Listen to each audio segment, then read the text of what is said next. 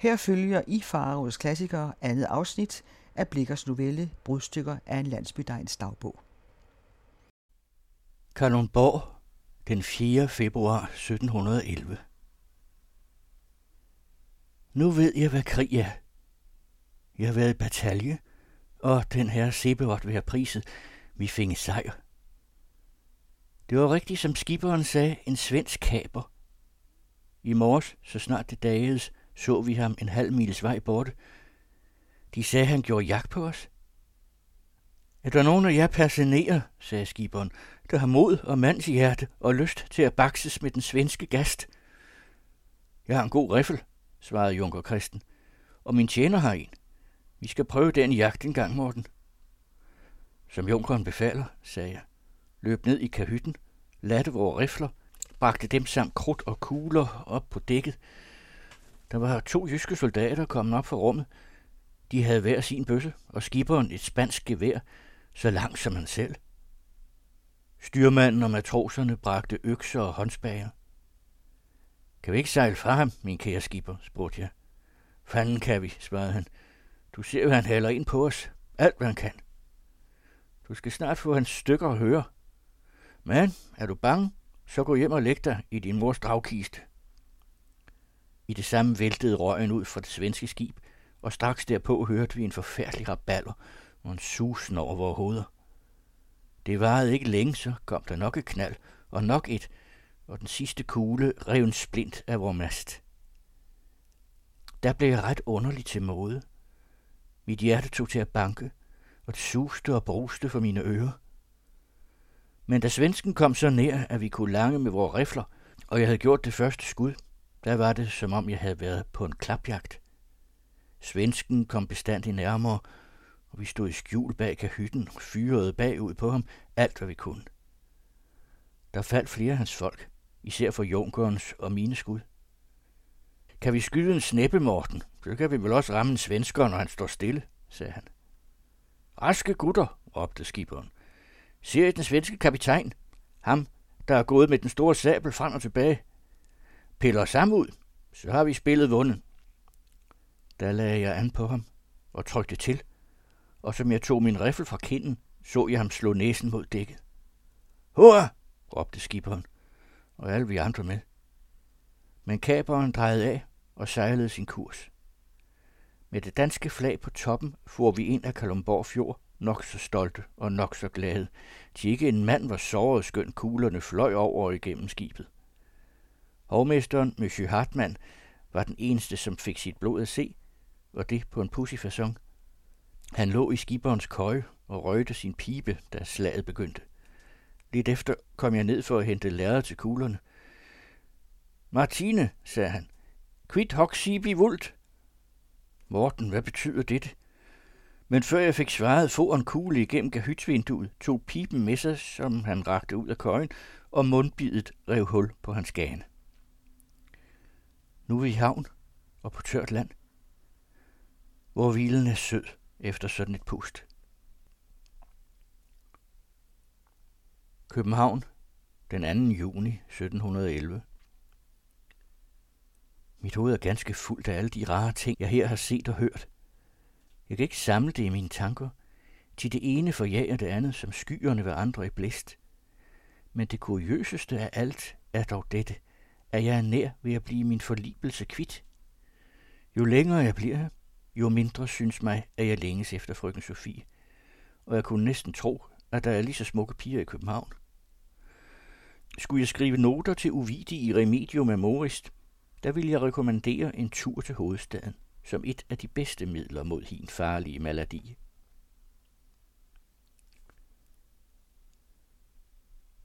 Til Ankers under Kronborg den 12. september 1711. Ak, du nåede i himmel. Hvad har jeg oplevet?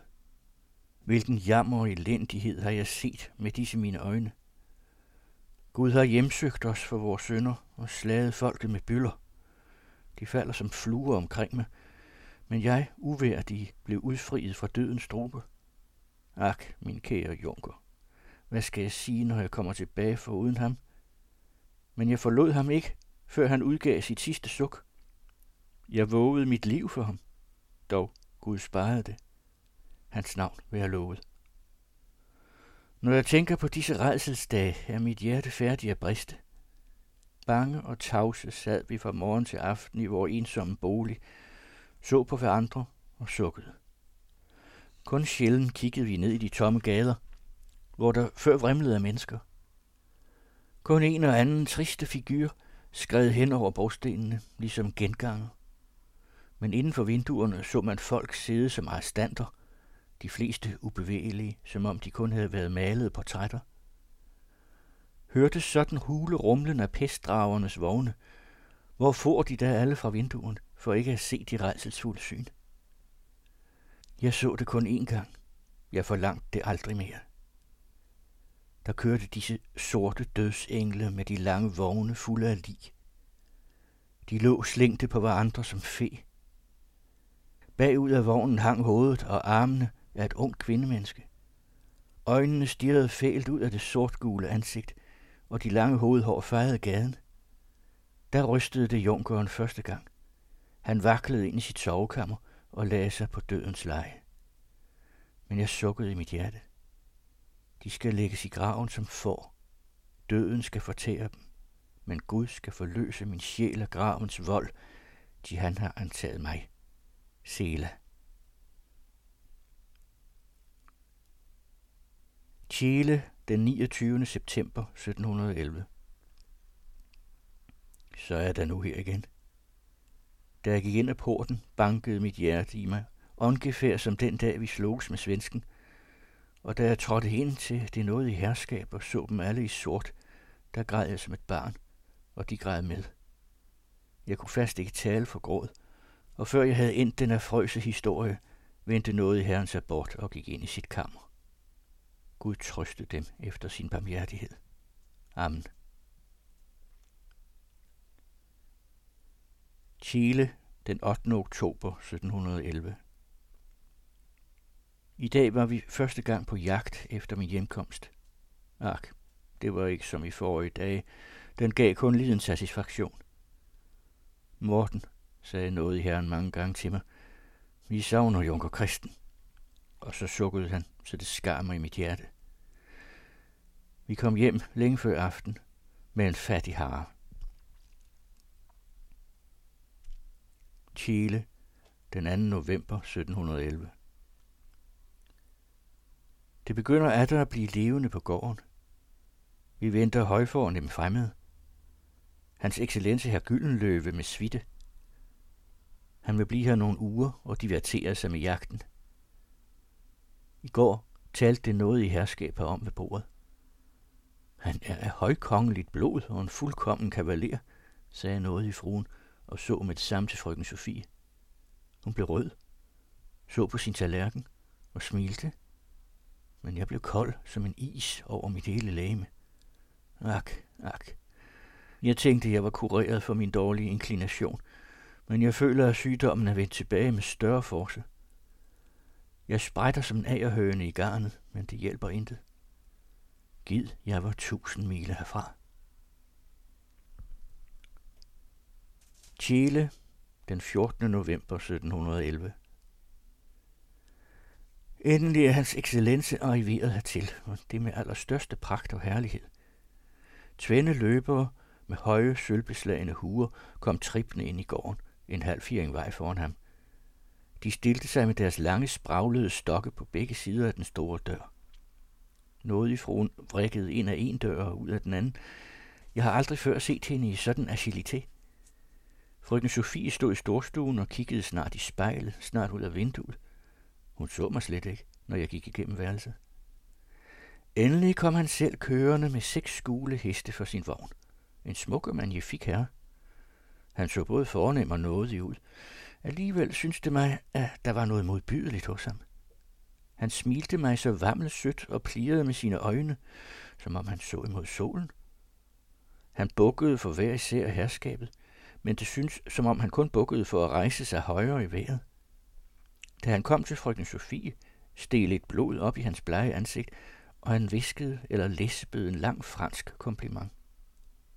Ved bordet vendte han næsten ikke sine øjne fra hende, ikke engang når han talte med andre. Hun skottede imellem og over til ham, men jeg brændte min hånd på tallerkenerne, så den i dag er fuld af vabler. Gid det var det eneste sted, jeg havde ondt. Chile, den 20. november 1711. Jo, det er sikkert nok. Der bliver en mariage af. Man behøver alene at attendere den noget i fru. Når hun ser på frøken Sofie, lægger hun hovedet tilbage som en and, når den har fået krogen fuld, vender øjnene og lukker dem imellem, som om hun ville ret straks den falde i søvn, og så snader hun, Un cavalier accompli, med fille. N'est-ce pas vrai? Et il vous aime? C'est trop clair. Ja, desværre. Det er klart nok. Og hun elsker ham igen. Det er også klart.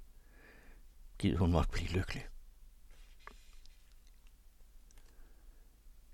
Chile den 4. december 1711. Endnu har hans excellens ikke profiteret meget af jagten. To gange har vi været ude, men hver gang er han blevet ked af det på alvejen. Der er et stykke vildt hjemme på gården, der drager ham til sig som en magnet. Ak, gid jeg var blevet i København. Chile den 8. december 1711. I dag blev mariagen deklareret, og i dag otte dage skal brylluppet stå. Hvor skal jeg skjule mig så længe? Jeg holder det aldrig ud. Når man lægger sin arm om hendes liv, er det som en stak mig i hjertet med en kniv. Du milde himmel. Jeg tror, Jens er lige sådan faren som jeg. Da jeg sagde ham det om mariagen, stødte han sin bøsse sådan imod jorden, at kolben sprang i stykker, og derpå rendte han med stumpen ud i heden. Så er jeg da ikke den eneste nar i verden. Chile den 16. december 1711. Frøken Sofie har fået børnekopperne. Ak, hvor jeg skælver for hendes liv. Gid jeg måtte dø i stedet for hende. Men jeg kan jo ikke få den sygdom mere end en gang. Hendes dejlige ansigt er ganske fuld af vabler. Chile den 13. marts 1712. Så har jeg atter rejst mig fra mit lange sygeleje. Jeg troede, det skulle blive det sidste, og sukkede af hjertet til min Gud om forløsning. Men jeg skal vandre endnu en stund i denne jammerdal. Det er hans vilje. Den ske. Det er for mig, som om jeg var opstanden fra de døde, og jeg tykkes, at denne tre måneders sygdom har varet i tre år. I går så jeg hende første gang, siden jeg blev lagt ned, og det med en god kontenance. Næsten skulle jeg tro, at sygdommen havde taget min dårlige forlibelse med sig. Hun var lidt bleg, og jeg synes ikke, at hun så ret fornøjet ud. Desværre, hun har nok ikke synderlig grund dertil. Hans excellence er vist en stor libertiner. Jeg så nu nylig ind igennem sprækken på min dør, at han tog fat på fruens pige, og det på en meget indecent maner. Den stakkels frøken. Var jeg hans excellence, jeg skulle tilbede hende som en engel ud af himlen. Chile, den 1. maj 1712. Hans excellence er rejst bort og har lavet sin kæreste blive her tilbage. Han var nok allerede ked af hende, og Gud forlade mig det. Tror jeg ikke også, hun er ham? Hun længes da ikke efter ham. De hun er lige så munter og vive som før. Ja, næsten mere. Men alligevel er jeg til ligesom lidt hoffærdig. Samtidig taler hun til mig som til en stodder, og samtidig som om jeg var hendes ligemand. Jeg tror hardt, at hun vil have mig til bedste. Jeg er færdig, stakkel. Jeg er ikke blevet klog endnu, for hun kan gøre mig glad og bedrøvet, ligesom hun vil. Chile, den 3. juni 1712. Mit helbred får jeg aldrig mere. Min ungdoms munterhed er ganske borte. Jeg er tung og mat i mit hele væsen, og ingen ret lyst har jeg til nogen ting. Jeg gider ikke jage, og jeg gider ej heller læse. Min bøsse og min Ovidius er begge lidt støbet. Fransken, som til form er blevet mig så plaisant, kan jeg hverken lide at læse eller høre. Det er et falsk tungemål. Chile den 24. juni 1712. Jeg har byttet kammer med Jens. Han ville endelig have mit, for han turde ikke ligge ud til kirkegården, den tosse. Der skal han jo dog engang ligge for bestandig. Jeg er vel fornøjet med byttet. Her kan jeg fra mit vindue se mine kære forældres grave. De er vel forvaret. Gud glæde deres sjæle i himmeri. Hist henne er herr Sørens grav. Der går allerede tisler på den. Det må jeg dog rydde bort. Chile, den 13. december 1712. Fruens pige har bekommet sig en lille søn. Hun har udlagt en kniblingskræmmer, men hele gården ved nok, hvem den skyldige er. Den unge frøken har selv reageret dermed. Jeg ved ikke, hvordan hun kunne, men hun tager sig verden let. Jeg er ikke af den natur. Chile, den 27. februar 1713. Drømmer jeg, eller er jeg vågen? Har mine sanser duperet mig, eller var hun virkelig min? Jo, hun var min. Jeg har favnet hende med disse mine arme. Hun har hvilet ved mit bryst og bedækket mit ansigt med kys, med hede kys. Nu vil jeg gerne dø. Så lykkelig kan jeg aldrig blive mere. Men nej, hvor lunde er det fat med mig? Hvad har jeg gjort? Jeg ved ikke, hvad jeg skriver. Jeg frygter, jeg er vanvittig. Chile, den 5. marts 1713. Lad mig kalde tilbage min hukommelse disse duse øjeblikke. Lad mig ret overtænke, hvor lyksalig jeg var. Det er først nu, jeg begynder at opvågne som er en rus. Herren kom hjem fra jagten, og Jens var blevet i skoven for at kaste taks ud, som sad fast i en grav. Jeg vidste vel, at han ikke kom hjem før dag, og så fik jeg i sinde at ligge i mit forrige kammer. Jeg var netop indslumret, da jeg blev vækket ved et kys. Forskrækket rejste jeg mig og ville råbe. Der følte jeg en blød hånd på min mund og en arm om min hals og en sød, viskende stemme. Himmel, det var hendes. Hendes, jeg ikke tør nævne. Da, da, åh, oh, jeg sønder, jeg forstokkede sønder. Jeg har forrådt min herre, og jeg kan ikke engang ret af hjertet fortryde det.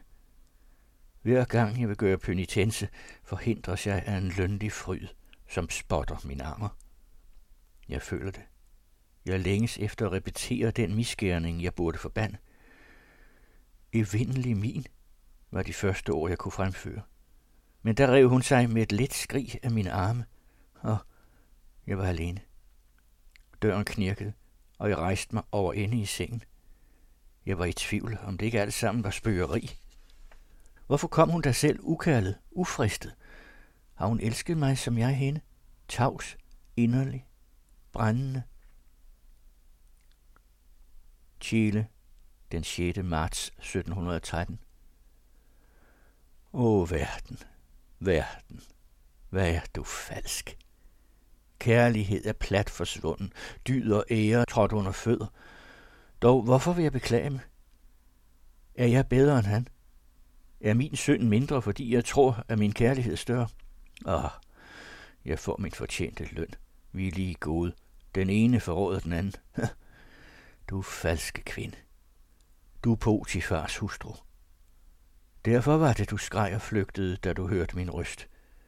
Det var altså gammel vane. Kendt vej, da du søgte min seng. Nej, Jenses seng. Gammel kærlighed. Gammel synd mens jeg tilbad dig, mens jeg beskuede dig med ære og frygt som en hellig engel, har du bolet med min medtjener. Det var midnat. Drukken af søde erindringer vankede jeg om i haven. I en mørk gang så jeg noget røre sig. Det bares mig for, at det måtte være hende. Med hastige skridt ilede jeg derhen. Det var hende. Ja, det var hende, men hvorledes fandt jeg hende? På Jenses skød med armene om hans hals. Hurtigt får de fra hinanden, og jeg stod, som om jeg skulle synke i afgrunden. Solen fandt mig på samme sted. Jeg frøs. Jeg bævede som et esbeløv. Åh, du usle, du falske, du fordærvede verden. Chile, den 9. marts 1713. Jeg har set hende første gang siden hin søndefulde nat. En hastig rødme få over hendes ansigt. Hun kastede sine øjne rundt omkring i stuen, for at se på mig. Jeg følte, at jeg blev både kold og varm. I det øjeblik, vi var alene, gik hun mig hastigt forbi og sagde med halvt tillukkede øjne, Silence. Hun var ude af døren, inden jeg ret følte trykket i min hånd. Chile, den 13. april 1713. Alt er optaget. Herren, fruen, hele gården ved det, og det er mamselle Lapus, som har opdaget og røbet dem. Den unge frøken ville gerne regere med hende, men det skrev hun bag øret. Ingen har kunne mærke på denne listige kvinde, at hun forstod et ord dansk, og derfor har de engang uforsigtigt i hendes nærværelse sagt noget, hvoraf hun fik vinden. Hun har nu gået så længe på sporet, indtil hun rigtig har fået det reddet ud og kædet dem i lejet. Himmel, hvilket oprør der blev. Noget i herren løb med sin bøsse omkring som en rasende for at skyde Jens, men Jens var allerede på sin hest og langt borte. Den unge frøken blev lukket ind i hjørnestuen, at herren ikke skulle forgribe sig på hende. Ak himmel, hvad end skal dette få? Jeg skælver hver gang jeg hører hans stemme. Min samvittighed fordømmer mig og gør mig til kujon. Anger og frygt har således betaget mig, at kærlighed og jalousi var rent forjaget af mit bryst. Ak, gid jeg var 15 mile under jorden. Chile, den 14. april 1713. Jens har været her. Han kom i nat ind i mit kammer for at høre, hvorledes har stået til. Han var som et drukkent menneske, græd og bandte imellem hinanden. Røb ikke, jeg har været her, sagde han, i det han gik. Ellers er du dødsens menneske.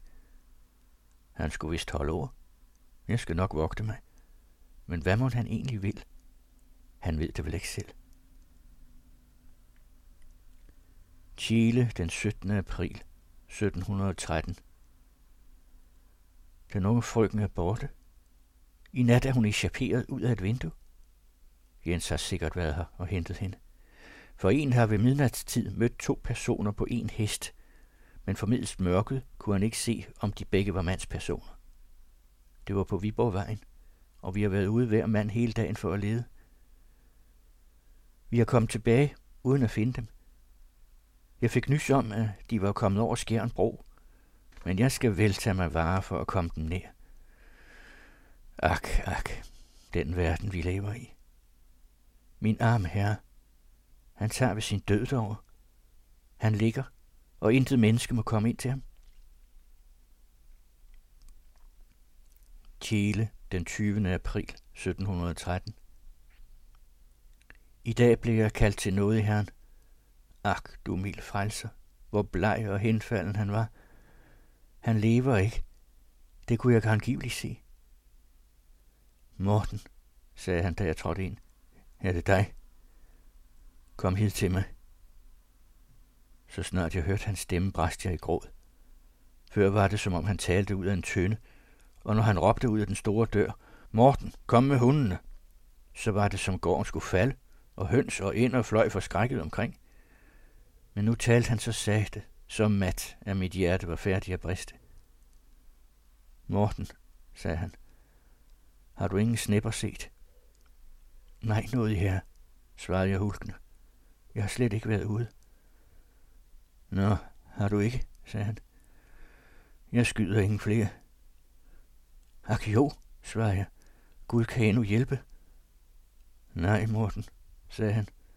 Men mig er det snart ude. Jeg havde jeg endnu haft kristen.